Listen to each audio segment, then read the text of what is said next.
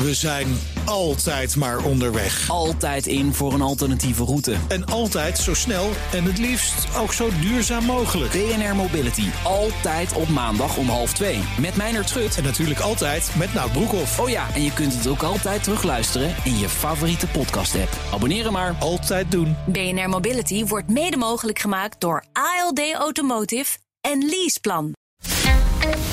Blijf scherp. BNR Nieuwsradio.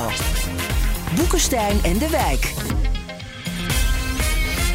Hugo Reitsma. Dit is een extra uitzending van Boekenstein en de Wijk in verband met de oorlog in Oekraïne en de crisis met Rusland. Het is maandag, dag 320 van de invasie.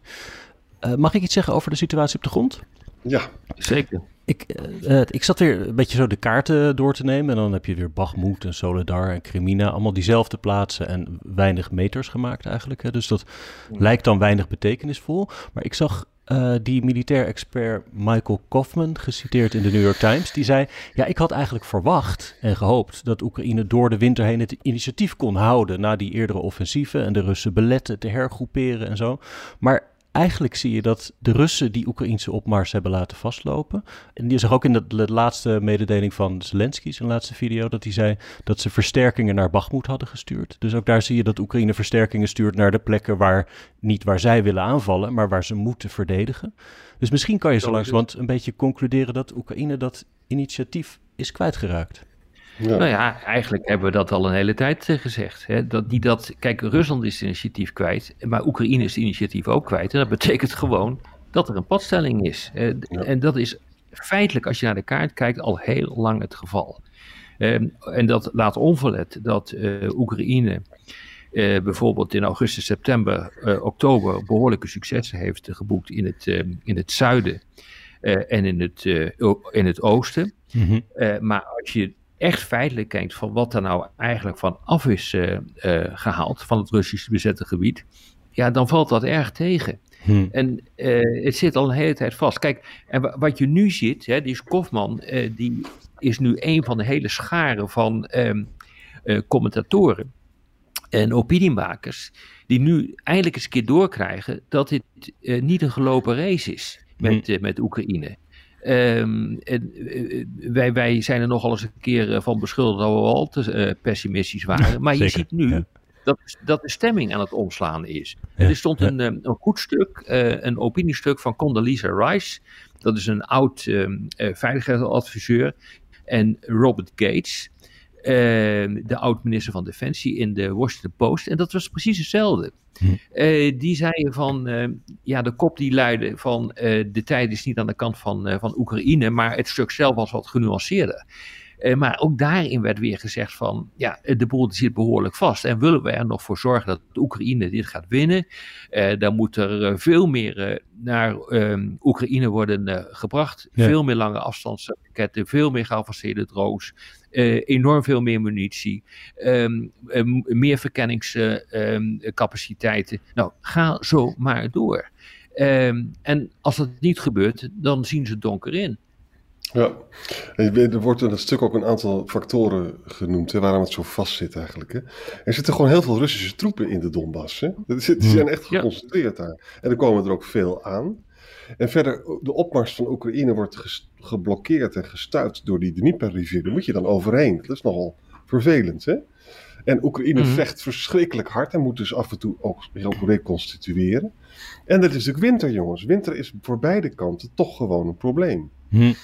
Dus ja. het, is, het is eigenlijk een beetje raar dat mensen zo optimistisch waren daarover. Ja, eigenlijk is die winter nu pas echt gevallen hè, in Oekraïne met temperaturen echt soms ver onder nul. Dat zou dus misschien, naar ik eerder begreep, kunnen betekenen dat, dat beide partijen dan weer met zwaar materieel uh, de strijd in kunnen gaan die eerder zou vastlopen in de modder die je daar dan altijd hebt ja, dat kan misschien ook verklaren waarom uh, bij Bakmoed er nieuwe versterkingen worden aangevoerd van, uh, van Oekraïne. Omdat dan daar een hele belangrijke slag zou worden uh, geleverd. Maar realiseer je wat er in Zaporizhia gebeurt, in die oblast, zeg maar, een beetje in het midden van het hele gebied. Daar worden enorme fortificaties op dit ogenblik aangelegd, omdat de Russen ook vrezen dat als daar een aanval wordt uitgevoerd door de Oekraïners ja, dan zouden ze wel eens een keer die roemruchte landbrug van de Krim naar Rusland, zouden ze gewoon ja. onklaar kunnen maken. dan, dan hebben ze gewoon een, een stuk land te pakken. waardoor ja, de Russen gewoon niet meer in staat zijn om, om van oost naar west te rijden. Ja. Nou ja, en, en wat hier ook nog een keer bij speelt, en dat is redelijk zorgwekkend nu de berichten daar zijn dat Oekraïne zijn troepen aan het versterken is in Bakhmut, die moeten ergens vandaan komen. tegelijkertijd volg ik echt heel nauwkeurig wat er gebeurt in het noorden.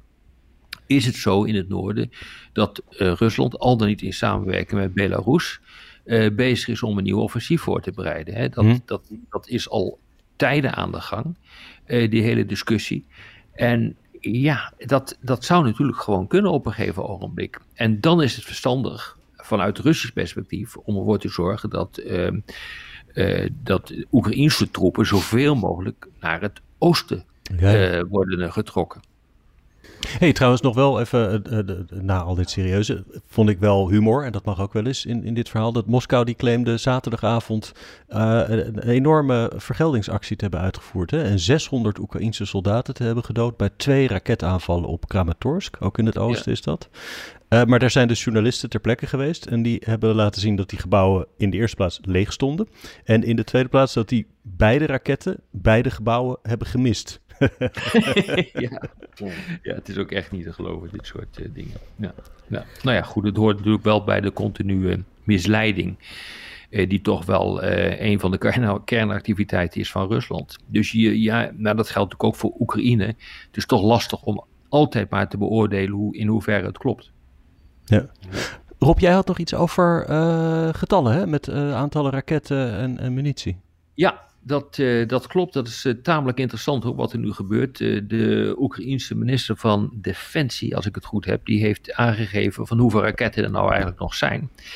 Nou, ik ga ze niet allemaal opnoemen, hè, maar het gaat om dan die Iskanders en de KH-raketten en de Kinzals en dat soort kaliber, dat soort raketten. Mhm. dan moet je toch constateren dat inderdaad wel vrij veel op is als het, als het klopt. Maar veel, de, de, de Iskanders is 11 procent is er nog over. En van andere, uh, daar hebben ze weer wat meer van. Uh, maar dat komt ook niet boven de 50%. Maar het interessante is ook uh, van hoeveel maken ze nou eigenlijk bij? want op een gegeven ogenblik heeft het Russische ministerie van Defensie gezegd dat ze bijvoorbeeld nooit een tekort zullen krijgen aan de kaliberraketten die vanaf zee kunnen worden gelanceerd. Nou, dat blijkt inderdaad allemaal redelijk, redelijk tegen te vallen. Want ook daar uh, zie je gewoon uh, dat, dat de aantallen gewoon teruggaan. Ja. En uh, als je ook constateert van hoeveel er nou eigenlijk ehm, geproduceerd wordt, ja, dan is dat vaak niet meer dan in de tientallen en niet in de honderden, laat staan in de mhm. duizenden. dus er is toch ook wel een behoorlijk probleem met betrekking tot, ehm, tot, tot de industriële productie van dit soort raketten. Ja. Ik heb het lijstje voor me, want het was, hij had het getwitterd, hè, die minister van Defensie. Oh, Als je dan kijkt naar absolute aantallen, dan is wat ze sowieso, waar ze verreweg het meest van hadden, dat waren die S-300. En daar hebben ze er ook nog heel veel van over. Maar die zijn volgens mij eigenlijk luchtdoelraketten. En als je die op het land, die gebruiken ze ook wel op, voor landdoelen, maar dan zijn ze heel erg uh, in, on, onprecies, toch? Ja, dat klopt. Nee, maar ik heb uh, hier alleen gekeken naar de raketten waarmee je dus doelen kunt raken in, uh, uh, in Oekraïne. Dat zijn bijvoorbeeld die Iskanders. Nou, daar is nog 11% van, ja. van, van, van, 92 van stuks zijn er nog over, volgens ja, de Oekraïners. Exact, ja. exact. En je, je, ziet dat er bijvoorbeeld 150 kaliber raketten zijn gefabriceerd. ja, dat is niet heel veel dus er, ehm, de, de Russen kunnen inderdaad gewoon niet oeverloos doorgaan als deze getallen kloppen. Hè. Dat moet nog wel mm. even erbij worden gezet. Nou, laten we daar nou van uitgaan dat het zo is. Ze worden ook niet echt weersproken. Uh, ja, dan, uh, dan kunnen ze niet eeuwig doorgaan met dit soort, uh, dit soort aanvallen. Er wordt gezegd drie, misschien vier van die golven kunnen ze nog doen en dan zijn ze wel doorheen. Mm. Maar hoe, als je zo weinig raketten hebt, jongens, hoe kan je dan nog een keer vanuit het noorden Kiev aanvallen? Nou ja, dat is inderdaad een hele goede vraag, uh, Arend Jan. Dat uh, vraag ik me dus ook af. Uh, de experts die, uh, die ik volg en die ik ken, die zijn daar ook het niet over eens of dat, of dat überhaupt nog gaat kunnen. Mhm. nee, je hebt helemaal gelijk. Dat is dus um, vandaar dat dus het heel interessant is om te kijken in hoeverre doen ze dit nou samen met Belarus. Misschien zou je dit wel kunnen doen met Belarus samen. Ja, maar het laat onverlet natuurlijk dat uh, er een enorme discussie is over mobilisatie. En die discussie over mobilisatie loopt gewoon. En er zijn aanwijzingen dat er daadwerkelijk voorbereidingen worden getroffen voor mobilisatie. Uh, dat gebeurt in ieder geval in de bezette gebieden. Dat weten we gewoon. Maar het, het, het lijkt ook te gebeuren. Die voorbereidingen lijken ook te worden getroffen in bijvoorbeeld uh, in Rusland zelf. waar toch wordt ge, ge, gekeken of mensen nog geschikt zijn om te kunnen vechten. En de geruchten zijn zelfs dat het om 500.000 mensen zou gaan. Ja, dat soort getallen heb ik ook uh, gezien. Ja, wat je daar, hoe waar dat is, weten we niet. Maar kijk, uit al die geruchten en, en al die informatie die we nu krijgen over een mogelijke voorbereiding van mobilisatie. Nou, dat was er eigenlijk al.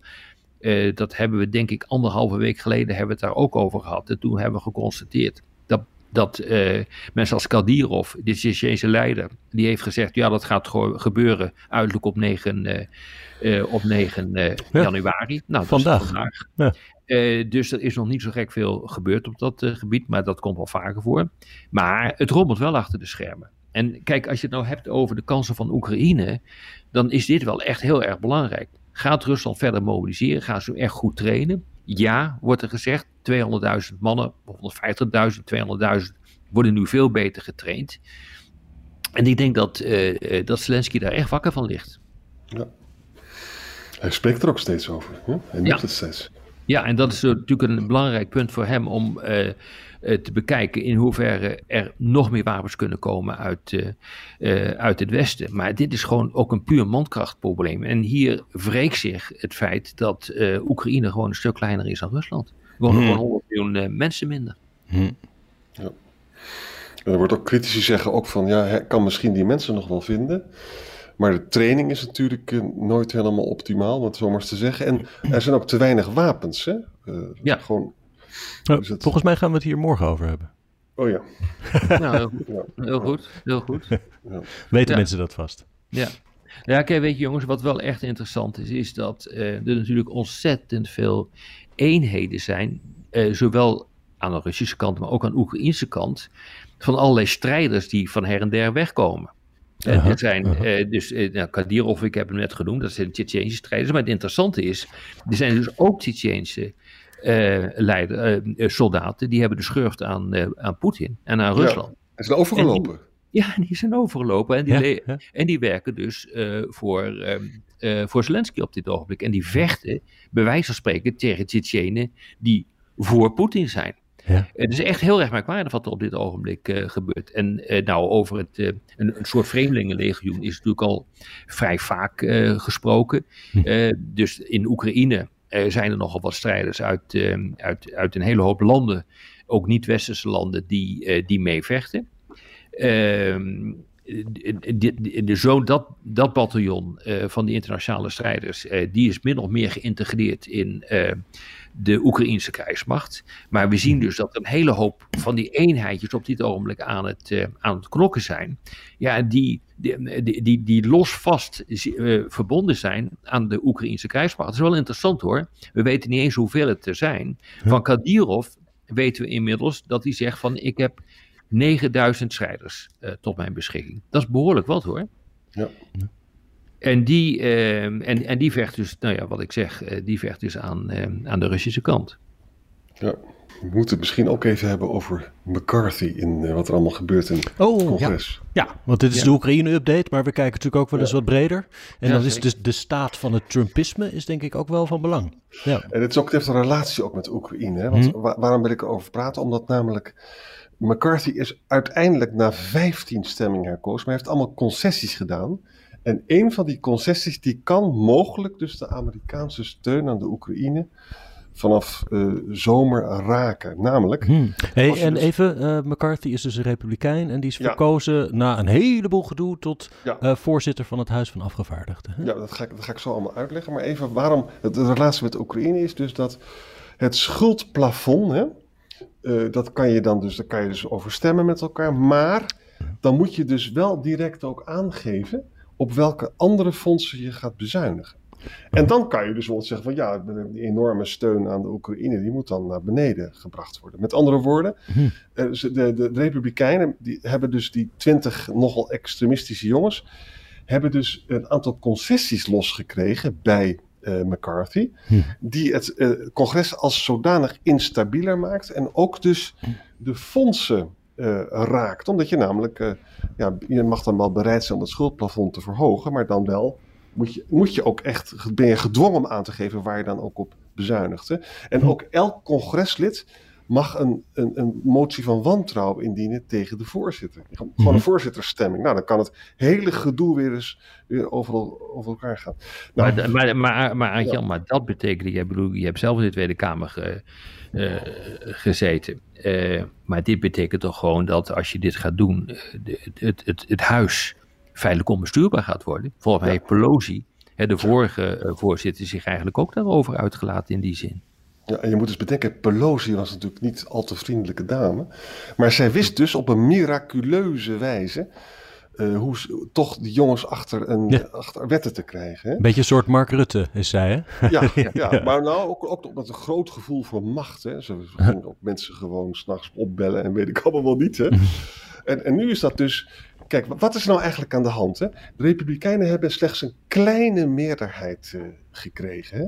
Van vijf stemmen in, in, in het congres. In de Senaat hebben de Democraten nog een meerderheid. Hè?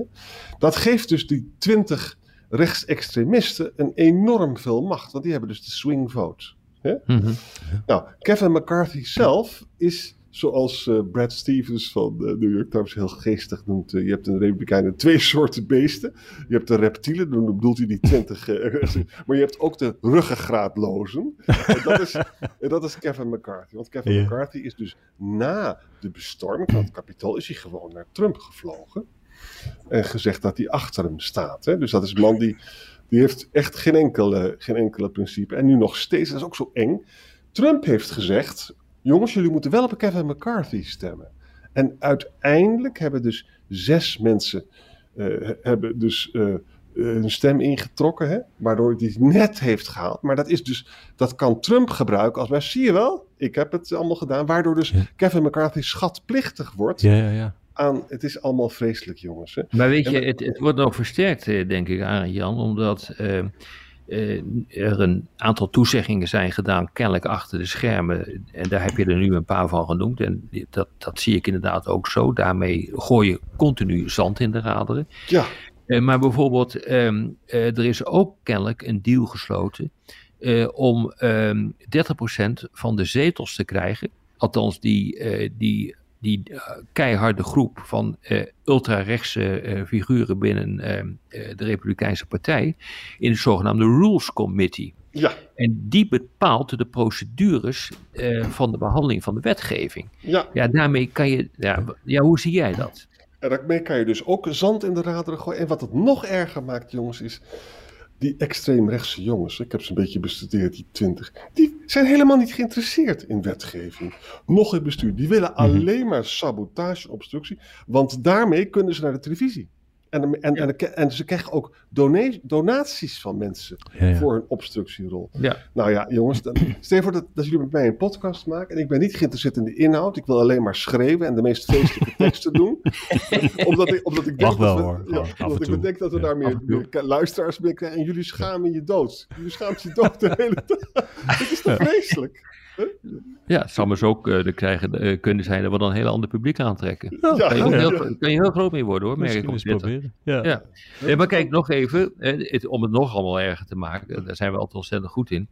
Eh, er komt ook een nieuw subcommittee eh, die eh, criminele onderzoeken en geheime info eh, opnieuw tegen het licht kan houden. Ja. Heb je dat gezien? Dat Ja, is ja, ook ja, echt. ja. En dat, dat zijn dus. ehm, ehm, eh, zij kunnen dus burgerlijke vrijheden tegen het licht houden. Eh, maar ook bijvoorbeeld de hele discussie die is ontstaan, ook in het eh, congres, over Trump.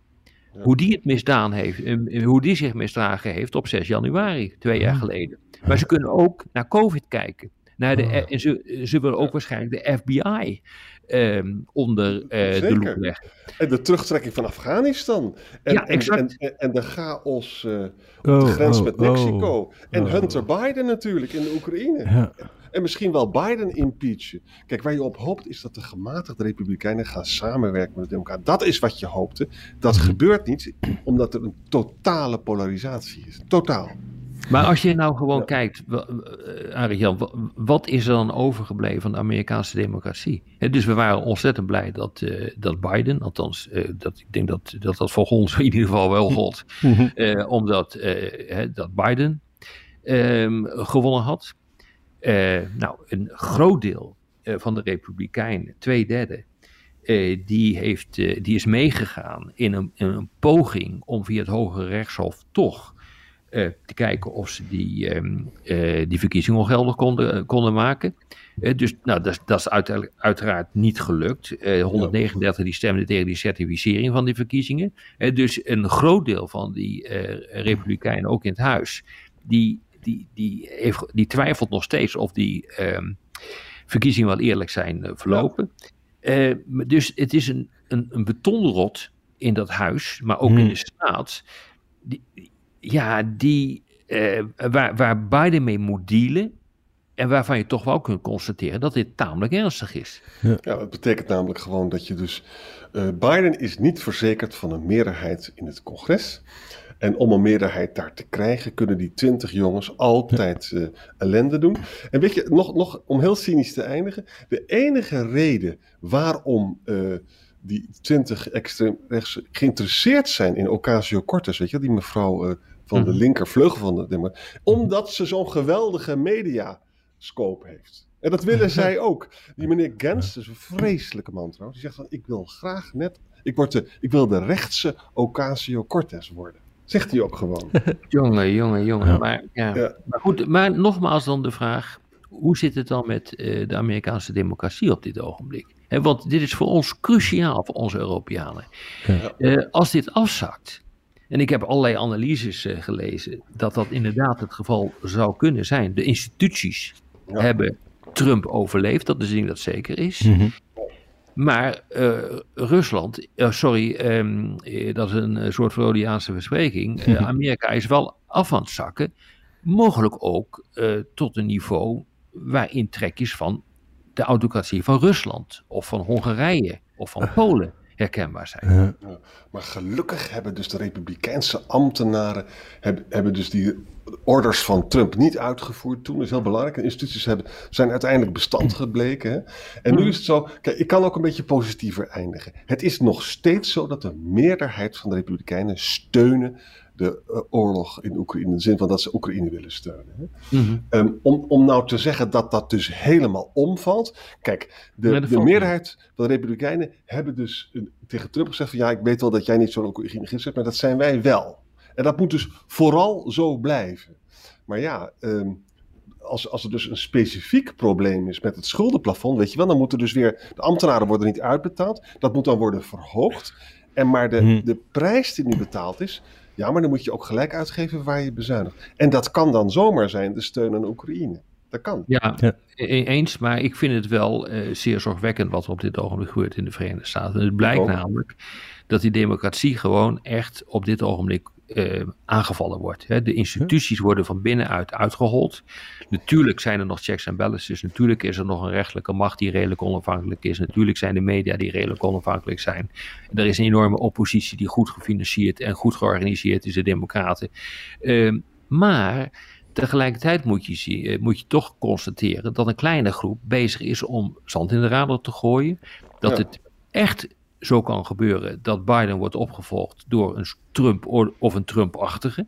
Ja. Dat heeft enorme consequenties. Niet alleen voor Oekraïne, maar ook voor de hele transatlantische verhouding. In een tijd waarin eh, het alle hens aan dek is om te proberen zoveel mogelijk van onze eigen waarden en onze eigen positie overeind te houden in de mondiale machtsstrijd die op dit ogenblik gaande is. Ja, zolang dus een meerderheid van de Republikeinen in fake news gelooft, hè, gewoon gelooft dat Biden met de duivel danst en dat hij daar illegaal zit. Ja, als dat soort dingen dus uh, gebeuren, dan ben je gewoon. Da daar valt geen institutie of regel Nee. tegen op te stellen. Nee, en we Ja. weten ook waar het zit. Hè? Het zit bij eh, die, eh, die, die witte christenen.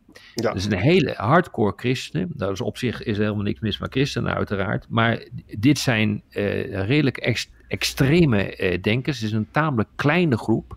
Ja. Die voelt zich niet meer thuis in het eigen land. Die wordt in belangrijke mate vertegenwoordigd door die twee eh, 20 types die je net hebt eh, eh, genoemd. En wat ernstiger is, is dat meer dan de helft van die groep eh, het gerechtvaardigd vindt om geweld te gebruiken om de veranderingen in Amerika tegen te Hm. gaan. Dus het wordt politiek instabieler, maar het wordt ook extremistischer. Extremistischer in die zin eh, dat extremisten bereid zijn om geweld te gebruiken.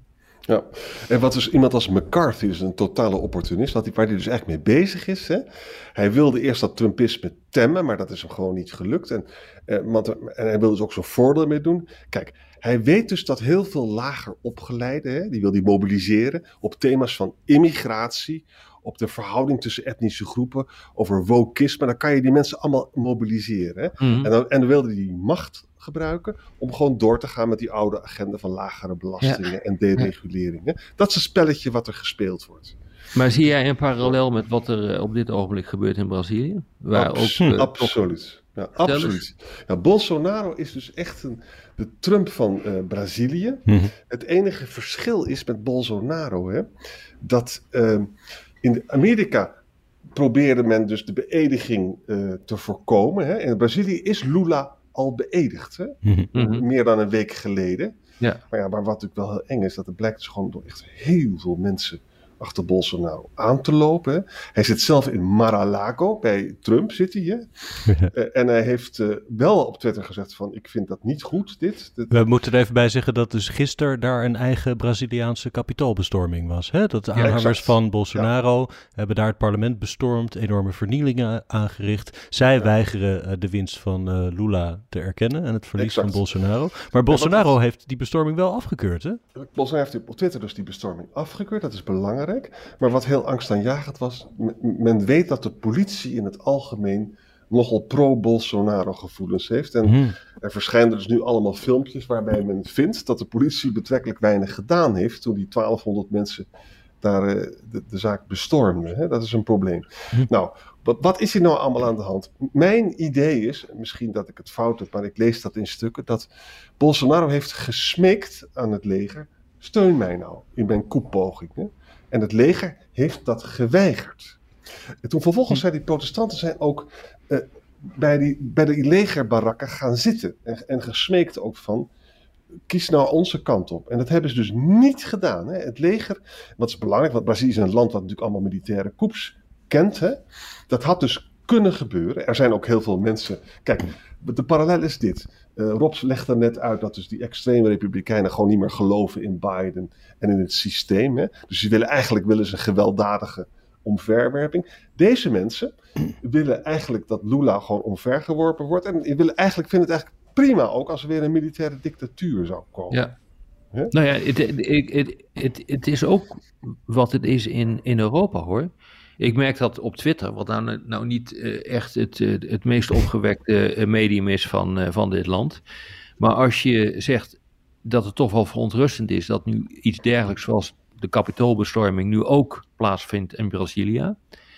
Ja, wat je dan over je heen krijgt, dat is gewoon niet normaal. En dat is Ja. dezelfde taal als die ik zie van die extreme krachten, eh, die, die twintig eh, lui eh, binnen, het, binnen het Huis van Afgevaardigden, die echt overal keihard op ingaan, die met de meest grote verwensingen komen, eh, die beschuldigen van nazi-praktijken, ga zo maar door.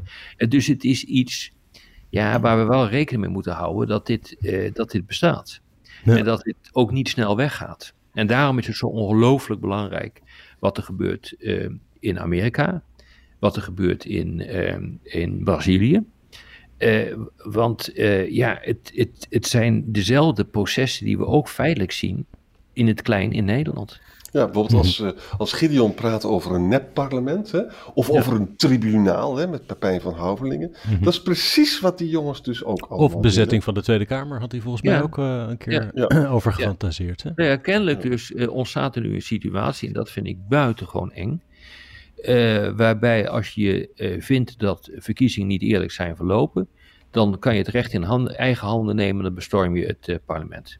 Dat is feitelijk wat er aan de hand is. En ook als je het niet eens bent met, met in jouw ogen de oppositie of de zittende macht, dan kun je dus het parlement bestormen. Mhm. Dat is feitelijk wat hier gebeurt. Dat, dat zie je dus met, met die Gideon van der Meijen in, van de Vorm van Democratie in Nederland.